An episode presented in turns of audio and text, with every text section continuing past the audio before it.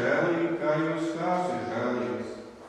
Netiesājiet, ar jūs netapsiet tiesā, nepazudiniet, ar jūs netapsiet pazudināt. Piedodiet, ar jums taps piedots, dodiet, ar jums taps dots. Pilnu saspaidīt, sakartīt, pārpārņējošu mēru jums iedos jūsu klēpī.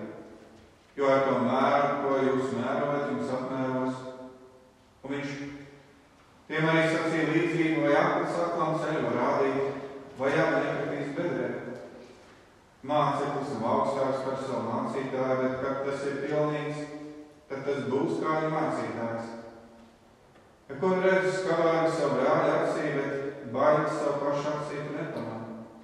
Ja kā tu vari sacīt uz savu brāli laivu, es izvelšu skavāri no tavas acis un baigas savā pašā acī tu neredzi. Lieku izvēlas priekš baigi no savas acis un tad padomā, kā izvilkt skavāri no savu acis. Āmen. Mūsu kungs un pestītājs citviet saka, ka to, ko gribam, lai cilvēki mums dara, to mums jādara viņiem. Šie vārdi skaidri māca, kā mums izturēties pret citiem. Tāpat kā negribam, lai mūsu vai mūsu tuvinieks nogalina, apzoga, apmelo, aizvilina laulāto draugu vai pat tikai likuma ietvaros izvilina naudu vai mantu. Tāpat arī mums nebūs darīt to citiem. Un tāpat kā mums gribas, lai citi par mums apžēlojas, tā arī mums jāapžēlojas par tiem neatkarīgi no tā, vai tie ir svešinieki vai pazīstami, labi vai ļauni, draugi vai ienaidnieki. Mums nebūs viņiem nekādi kaitēt, bet tiem palīdzēt un kalpot visās miesas bēdās. Un kā piemēra šādai rīcībai Jēzus mums liek mūsu debesu tēvu sacīdams: Esiet žēlīgi, kā jūsu tēvs ir žēlīgs, jeb līdzcietīgs. Tādēļ, kā debesu tēvs ir žēlīgs pret mums, tā arī mums tā jāizturas pret citiem cilvēkiem. Bet kā tad Dievs ir līdzcietīgs pret mums? Jau mūzum viņš atklāja savu vārdu. Kungs, kungs, Dievs līdzcietīgs un žēlīgs, lēns dusmās un dāsns žēlastībā un patiesībā. Šie vārdi tiek citēti arī psalmos un praviešu grāmatās, kur, piemēram, Jonah izsaucas: Es zināju, ka tu esi žēlīgs un līdzcietīgs Dievs, gauss dusmās, bet dāsns žēlastībā. Kā tad atklājas šī Dieva žēlastību. Tā ka Viņš mums par velti tikai no savas žēlastības dod visu labo, gan mīsīgi, gan garīgi, gan laicīgi, gan mūžīgi. Ja Viņš gribētu dot to, ko pelnījuši, mums neizbēgami būtu jāsaņem ēlu. Tāpēc viss labais nāk tikai un vienīgi no Viņa žēlsirdības. Debes Tēvs mums dara visu labu, tā arī mums, kā no avota, labajām Dieva dāvanām jāplūst pie citiem cilvēkiem. Ja gribam zināt, vai esam Dieva bērni, tad varam pie sevis pārdomāt, vai mums ir žēlīgs sirds pret mūsu tuvāko. Kā mums māca evanģēlists un apustulis Jānis, ja kas saka, ka es mīlu Dievu un ienīstu savu brāli, tas ir melis. Jo kas nemīl brāli, ko ir redzējis, nevar mīlēt Dievu, ko nav redzējis. Dievam patīk žēlastība, ne upuris, saka Jēzus. Un tas kungs jau vecajā derībā caur pravieti Hozei saka, man patīk Dieva atziņa un nebūt nededzināmie upuri. Ja negribam būt krāpnieki, kas pieviļ Dievu pašu sevis un citus cilvēkus, tad mums nopietni jāņem vērā, ko Kristus māca, jāparāda žēlastība savam tuvākajam, nevien vārdos, bet arī darbos. Tieši tādā pašā veidā, kā mēs gribam, lai citi izturas pret mums. Tas ir mums jāapžēlojas par ikvienu cilvēku, kā žēlīgais debesu Tēvs apžēlojas par visiem. Kā tad Dievs parāda žēlastību visai pasaulē? kā visa pasaule, visas pasaules ļaudis, liela un maza, jauna un veca, labi un ļauni, redz Dieva žēlastību.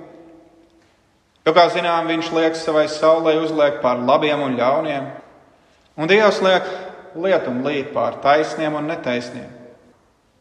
Tieši tāpat arī mums jāapžēlojas par katru, lai kas tas arī būtu.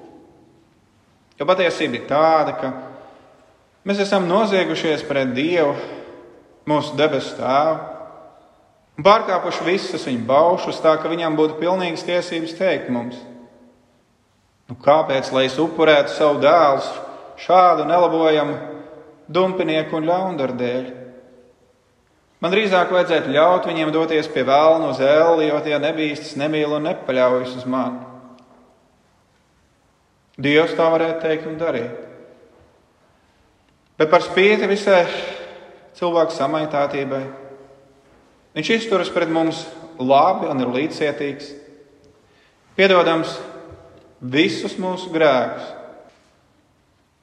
Tad tagad pārdomāsim, kā izpaužas līdzcietība, aplūkojiet vecās un jaunās derības piemērus, kas liecina par līdzcietības trūkumu vai esamību.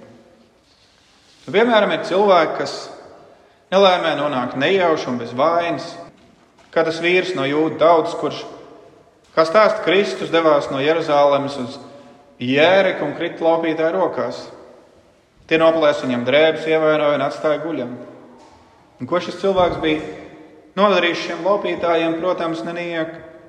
Tomēr samarietis Par spīti tam, ka samarieši un jūdi bija savstarpēji naidīgi, redzēdams viņu mirkstam asinīs, apžēlojās par to, apsētam vācis un palīdzēja, cik spēja. Kad mums nāks saskarties ar cilvēkiem, par ko nākuši šādi vai līdzīgi piemeklējumi, tad izturēsimies pret tiem kā Dieva bērni, palīdzot tiem mūsu iespēju robežās. Un apstults Pāvils māca, dariet labu visiem, bet visiem vairāk ticības biedriem. Salmans savukārt zina teikt, ka tas, kurš apžēlojas par nabagu, aizdod dievam un dievs to atmaksās. Bet gan mums izturēties pret tiem, kuri nelēmē nonākuši paši savas vainas dēļ un apzināti. Ja esam Dieva bērni, tad arī tādu cilvēku mums nav jānoraida. Un, ja varam viņam kaut kādā veidā žēlastību parādīt, tad mums to labprāt arī jādara. Ja mums šāda iespēja nav, tad katrā ziņā mums jālūdz Dievs, lai tas par viņu apžēlotos un palīdzētu, ka nelaime, kas viņu piemeklējusi, nekaitē viņa dvēselē. Daudz uzskata, ka žēlīgi jāizturas tikai pret tiem, kas nelaimē nonākuši bez vainas, bet pret tiem, kas darījuši grēku un saņēmuši sodu, nav jāapžēlojas. Protams, ka tā nav. Mums jābūt žēlīgiem pret ikvienu nabaga grēcinieku. Atcerēsimies, kā Kristus izturējās pret to slepkavu, kas bija pie krusta uz nāvi notiesāts un lūdz grēku piedošanu. Jēzus tūdaļ apžēlojās par viņu un apsolīja viņam debesu valstību. Jēzus teiktā sakarā nevis bēgam rodas jautājumi, ja jau mums pret tik vienu jāizturas žēlīgi, tad jau Tiesa nevienu nedrīkst notiesāt. Nevienu zaglu likt cietumā un nevienu slepkavu ieslodzīt. Tā joprojām. Vai Dievs ir nevis labs un žēlīgs, bet bargs un dusmīgs, kad soda un pārmāca noziedznieks un bezdievs? Vai tad viņš ir žēlīgs, kad jūda, kas nodeva savu kungu, iemet ēlas uguni? Raksts nenoliedz, ka Dievs neredz soda bārgu un iznīcinošanu Tomēr Bībele mums atklāja lielo patiesību, ka Dieva soda pat visbargākā pamatā ir viņa pestījošā mīlestība. Sodīšanu viņš aicina grēciniekus atgriezties. Dieva taisnība ir tāda, ka viņš ēlas dziļumā iemet to, kurš apzināti grēko, pārmāc tos, kas neatzīst savus grēkus, no tiem neatstājas un nelūdz atdošanu un žēlastību no Dieva. Un tomēr Kad dievam jāsoda bezdievs, viņam sāp sirds, kā viņš pats saka caur pravietu Jeremiju. Un kā lasājām jaunajā derībā, Jēzus palmas svētdienā Tuvojoties Jeruzalemē, raud par postu, kas sagaida bezdīvīgos jūdus, tāpēc, ka tie viņu noraidījuši. Tā mēs varam saprast, ka Dievs grēcinieks sodīdams tomēr ir un paliek žēlīgs. Tāpat arī laicīgā tiesa savu sodu spriedama tiesā vai vismaz tai vajadzētu tiesāt tā, kā katrs to pelnījis. Jo, ja nebūtu tiesas un soda, par kādu hausu gan pārvērstos visa pasaule. Un tomēr godīgai tiesai ir klāta žēlīgs sirds, kas gribētu, ka nebūtu vispār tāda tiesa izdomāta un cilvēks nebūtu jāsoda. Domāju, kādu sodu pārkāpējs pelnījis šajā pasaulē, tādu ir jāspriež, jo Dievs pats saka caur Jeremiju. Nolādēts ir tas, kurš tā kunga darbu dara nolaidīgi, un nolādēts, kas attur savu zobenu no asins izliešanas. Ja tiesneši Šo Kristus pamācību ņem vērā, neapsmēja grēcinieku un nepriecājas, ka cilvēkam jāsaņem tāds vai citāds sots. Bet tiem ir žēlīgs sirds, kā mūsu dievam debesīs, tad arī šādi tiesneši ir debesu tēva bērni. Diemžēl nav nekāds noslēpums, ka ļaudis ļoti reti izturas tā, kā Kristus māca, par savu tuvāko neapžēlojas. Savukārt Jēzus saka, netiesājiet, tad netapsiet tiesāti Nepazudiniet, tad netapsiet pazudināt. Piedodiet, tad jums taps piedots, dodiet, tad jums taps dots. Šeit mēs dzirdam, ka cilvēki ir nežēlīgi vairāk iemeslu dēļ. No vienas puses tie tiesā, ka tiem nav nepieciešamais amats vai pilnvars. Mācītājiem Dievs ir pavēlējis ar Dievu vārdu iztiesāt ticības un dzīves jautājumus. Tiesai, kā dzirdējām, jāsod noziedznieki. Tēvam, mātei, skolotājiem un priekšniecībai jāspriež attiecīgi par savu bērnu un saimes, skolnieku un padoto rīcību, un jādisciplinē, ka tie dara nepareizi, kļūst slinki vai kā citādi rīkojas pret savu aicinājumu. Dievam šāda iztiesāšana, pārmācība un pamācība ir tīkama un netiek aizliegta.